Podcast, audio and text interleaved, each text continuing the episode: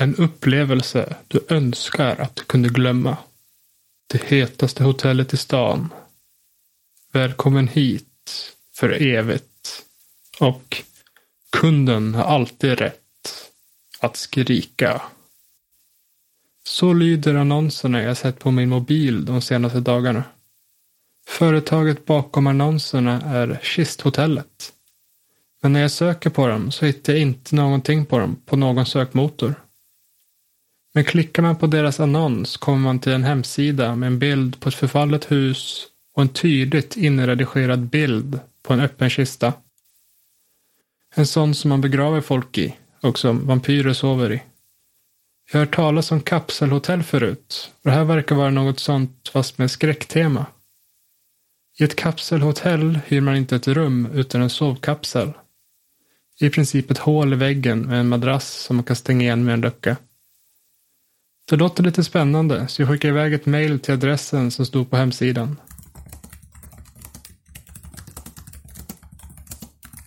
Efter ungefär en timme får jag ett svar om att de har en ledig plats nästa dag.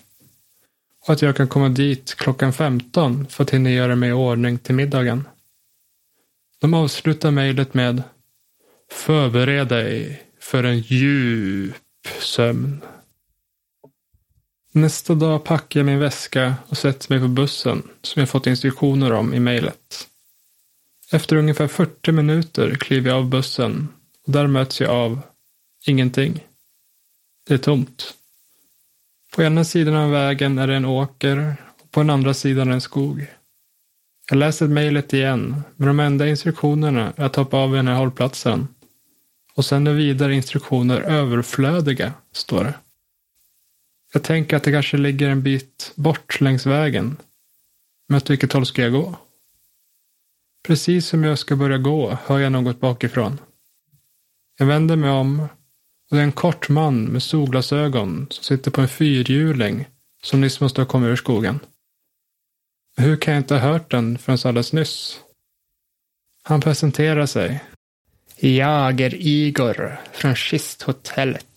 Han tar fram en ögonbindel och ser att vägen till hotellet är hemlig. Lite klyschigt tänker jag, men visst. Jag kliver upp på fyrhjulingen och tar på mig ögonbindeln. Efter en fem minuters lång och ganska skumpig färd stannar vi. Vi står nu utanför det förfallna huset från bilden på hemsidan. Vi går fram till dörren, men när Igor ska försöka öppna den lossnar handtaget från dörren. Han småskrockar och tar fram en kniv. Han höjer den långsamt och pekar den mot mig. Han säger Nu ska du få hjälpa mig öppna det här dörrskrället. Gå ut i skogen och tälla en kil som kan stoppa i handtaget. Jag gör som jag blir tillsagd och går till närmaste träd och hugger av en liten gren och täljer till en bit. Igor stoppar in den i handtagets hål och trycker till. Det låter som att gångjärnen ska gå av. Men de står pall. Han öppnar nu dörren och visar mig in. Insidan ser lika förfallen ut som utsidan. Spindelnät och damm överallt. Jag får en hostattack när Igor pettar till lampan i taket och ett regn av damm faller ner i mitt ansikte. När jag lugnat ner mig lite ser jag att Igor har försvunnit. Men ganska snart hör jag ett ljud underifrån trappan som finns i hallen. Jag går närmare för att höra tydligare. Men då hör jag steg gå ner från trappan istället. Det är inte Igor jag ser när jag kollar upp. Det är en lång kvinna med röd klänning som kommer ner för trappan. Hon frågar mig om jag är en bekänt. Jag säger nej. Men inne i henne frågar henne vem hon är. Hon vänder sig om och går mot ett rum längst ner i korridoren. Då hör jag Igors röst från ett rum till vänster. Det ser ut att vara ett vardagsrum med soffa, tv och tv-bord. Varpå Igor står på det sistnämnda och fäktar med ett ljus mot ljuskronan. Det ser ut som att han försöker tända den. Han frågar mig om jag kan hjälpa honom tända ljusen.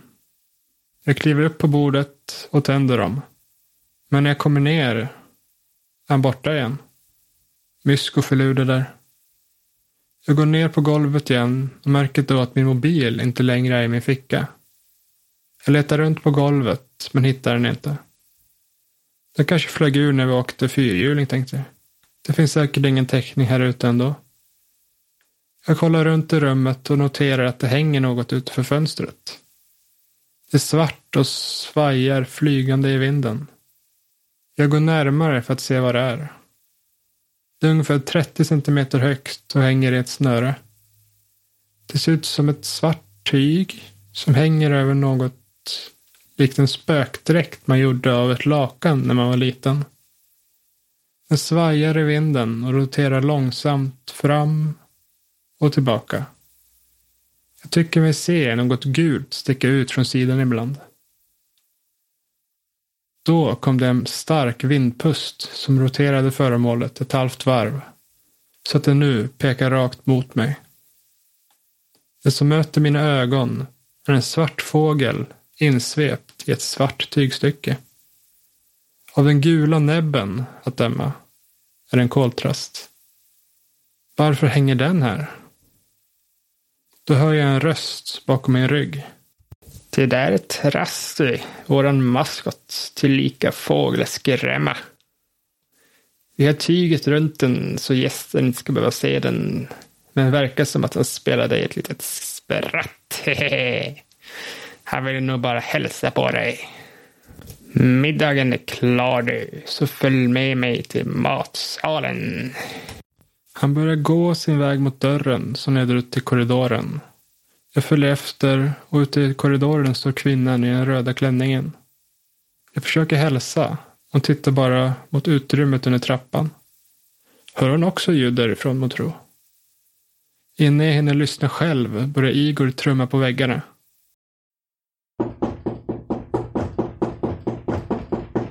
Den här vägen, gott folk. Den här vägen.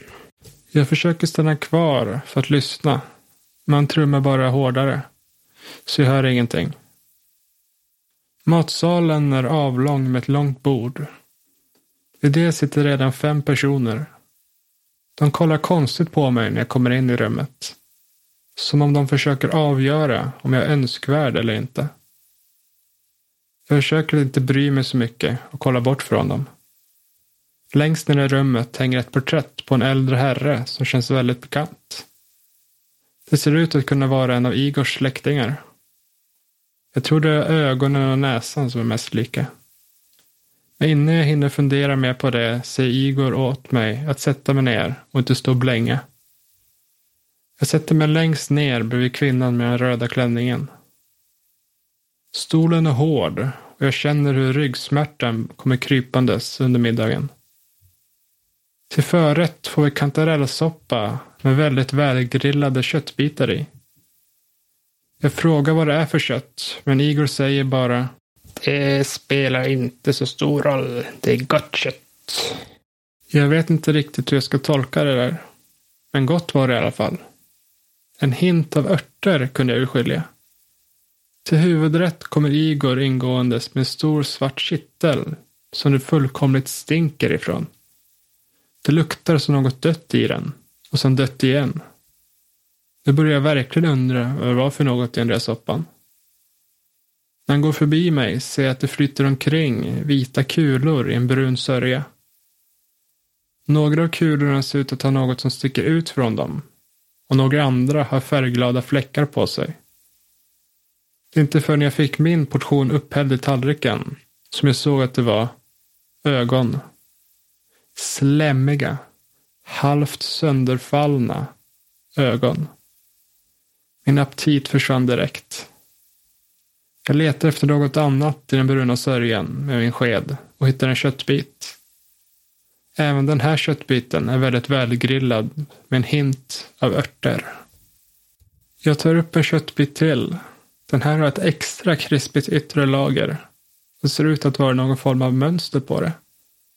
Men det är svårt att se eftersom det är så bränt.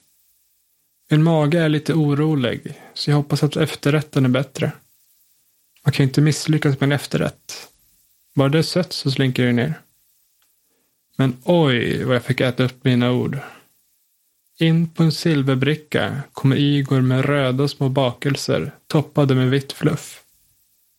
Rödbetskaka med frosten kanske? Nej. Det är blodkaka toppad med ett fluff gjort på senor och benmärg. Jag smakar inte ens på den, utan ger den till kvinnan i den röda klänningen, som glupskt kastar i sig den. Hon säger att hon tycker att det är så bra att de tar tillvara på alla delar av djuret här. Hon har förvisso rätt, men min mage har en annan åsikt. Hon säger dessutom att hon har hört att för att få det godaste köttet ska djuret vara riktigt vettskrämt när det dör.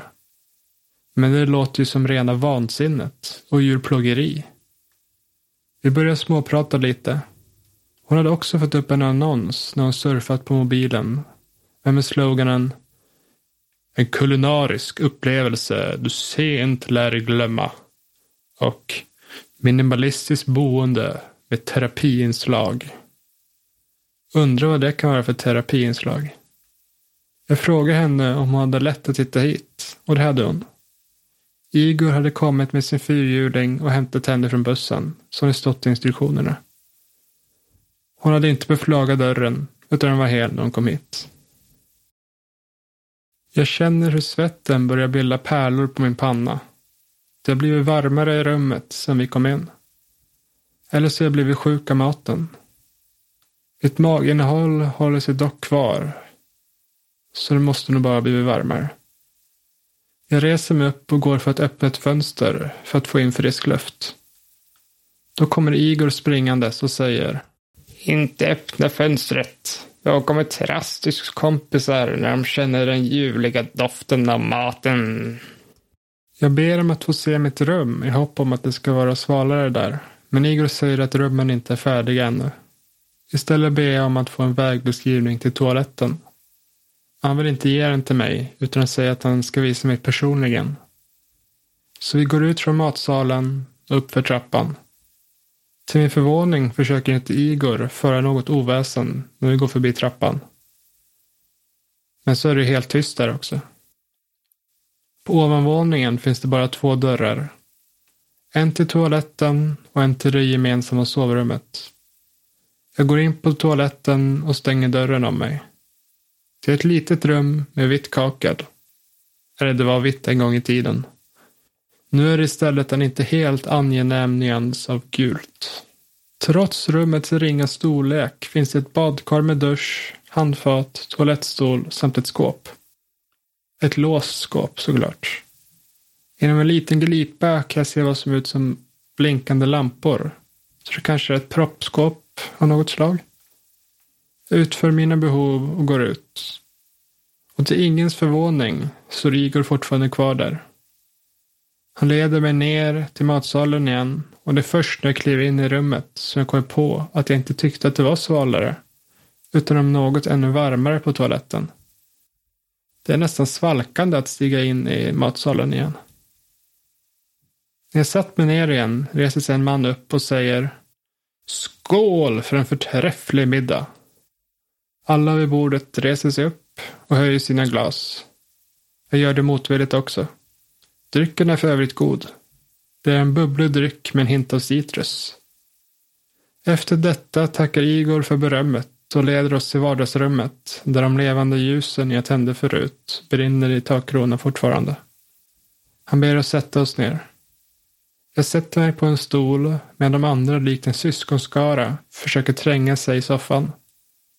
Igor sätter igång tv-apparaten och stoppar i ett gammalt VHS-band i spelaren och trycker play.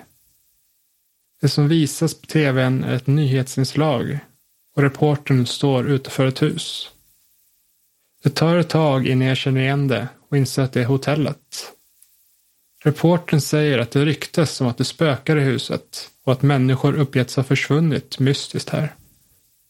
Då kliver ett bekant ansikte in i bild. För det är bara hans huvud som kommer med. Igor. Ja, det bor ett annat spöke här som kan terrorisera gästerna ibland. Och alla som kommer hit kommer också härifrån på ett eller annat sätt. Hehe. Vilket bra PR för ett spökhotell ändå. Att komma med i nyheterna. När inslaget är färdigt byter Igor till en vanlig tv-kanal istället och sätter oss och tittar i uppemot en timme. Efter det säger Igor att det är läggdags. Han tänder en lykta och leder oss upp för trappan och låser upp sovrummet.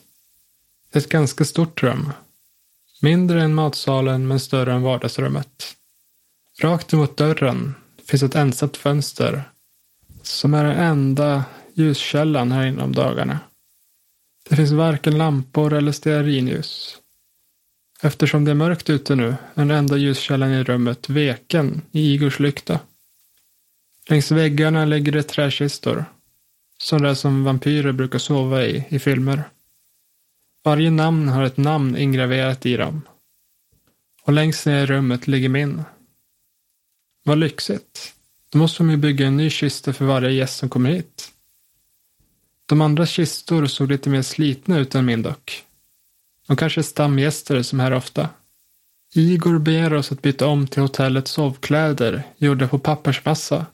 Helt naturliga och kan slängas i brännbart efter användning. Väldigt bekvämt faktiskt. En kistas insida ser också ut att vara vadderad med samma material.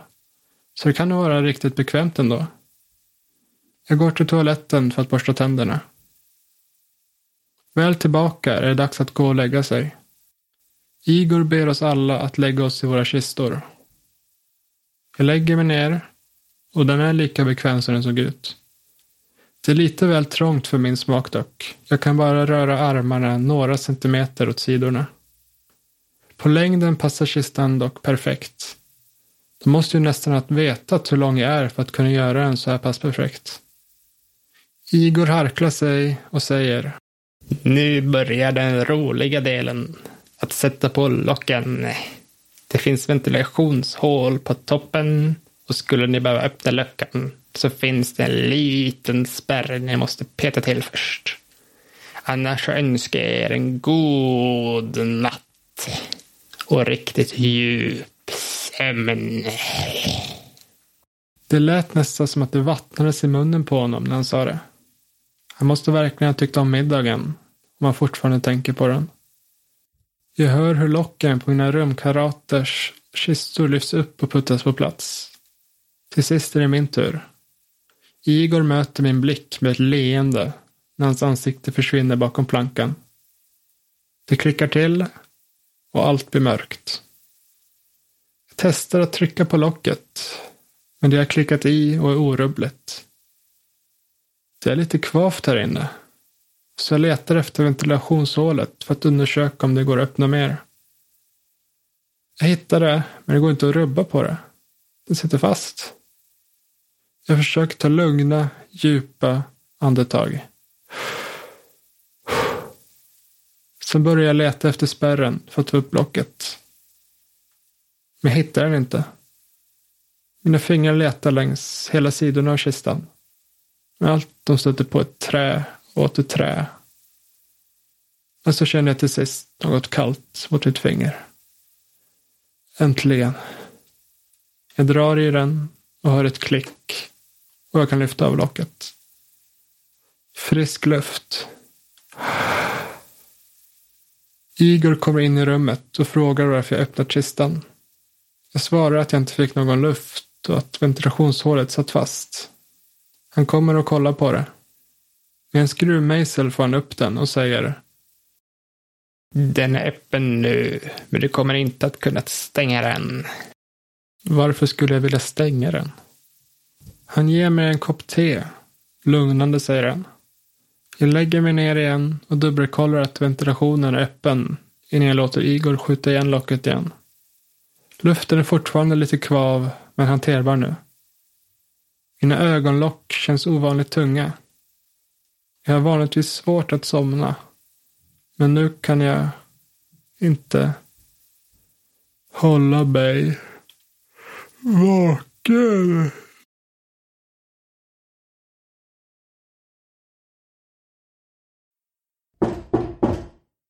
Jag vaknar av ett högt bankande ljud. Hela kistan vibrerar. Jag hör också fotsteg i rummet och tisslande röster. Vad är det som händer? Jag letar efter spärren och drar i den. Det klickar till. När jag försöker lyfta av blocket är det orubbligt. Jag drar i spärren om och om igen, men till ingen nytta.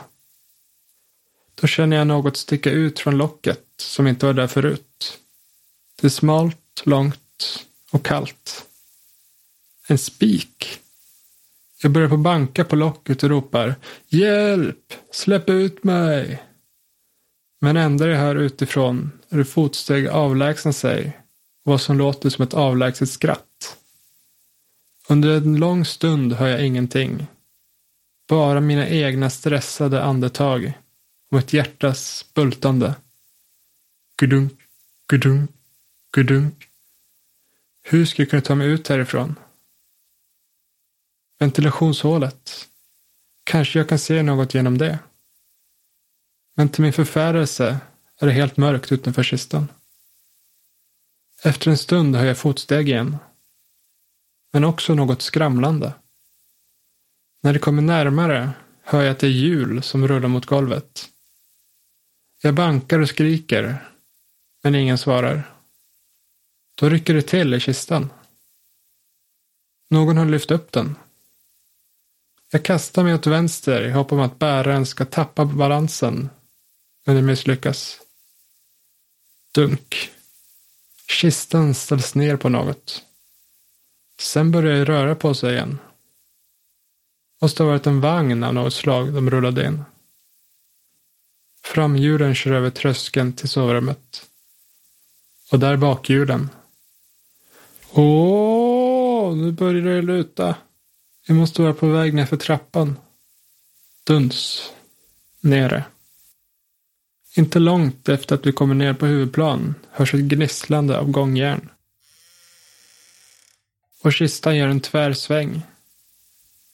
Kan vi vara under trappan nu? Där jag hörde ljuden förut. Kistan lyfts upp igen och ställs ner. Men inte på ett golv, för jag hör inget duns. Och det guppar lite. Jag hör hur fotsteg försvinner bort och hur gångjärnen gnisslar igen. Varför har de stängt in mig här? Varför är det så guppigt här? Då hör jag svaga röster utifrån någonstans.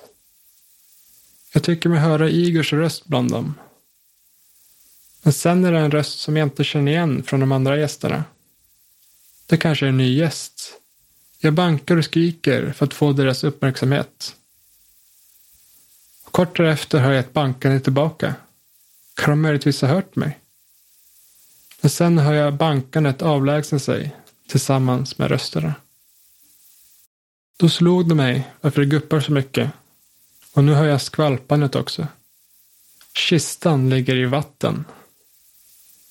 Jag försöker komma på något sätt att utnyttja det till min fördel. Men efter en minut hör jag ett ljud. Ljudet av vatten som forsar fram genom en vattenledning.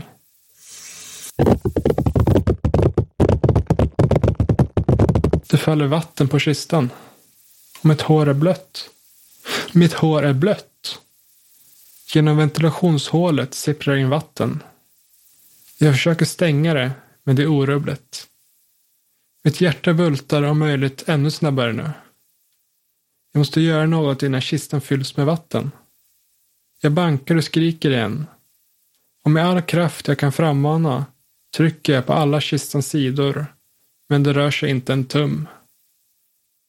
Kistans botten börjar nu bli helt täckt av ett plaskigt vattenlager.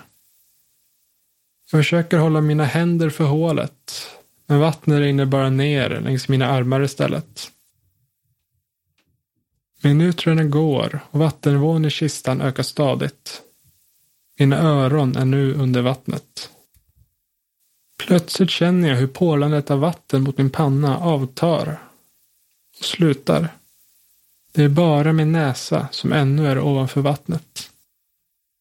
Jag öppnar ögonen för att kolla om jag ser något i ventilationshålet. Jag stänger igen dem nästan direkt av smärta. Saltvatten. Jag öppnar munnen för att kolla efter och det smakar mycket riktigt salt. Men också något annat. Jag kan inte riktigt sätta fingret på det. Något örtigt kanske?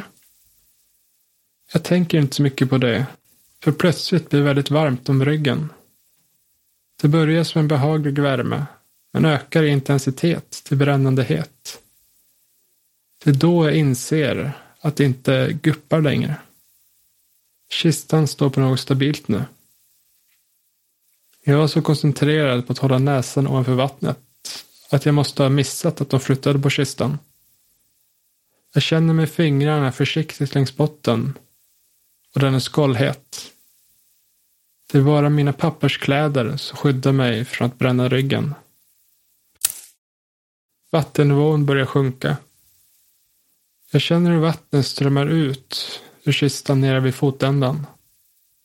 Kan någon ha öppnat en gömd lucka man tro? Men när vattnet tömts tillräckligt så att jag kan kolla ner ser jag inte en lucka utan en spricka i träet. Och ur sprickan ser jag en orange glöd skina igenom. Temperaturen stiger i den nu väldigt torra luften inuti kistan. Det blir jobbigare och jobbigare att ta de sträva andetagen. I min sista stund inser jag något. Jag håller på att bli grillad.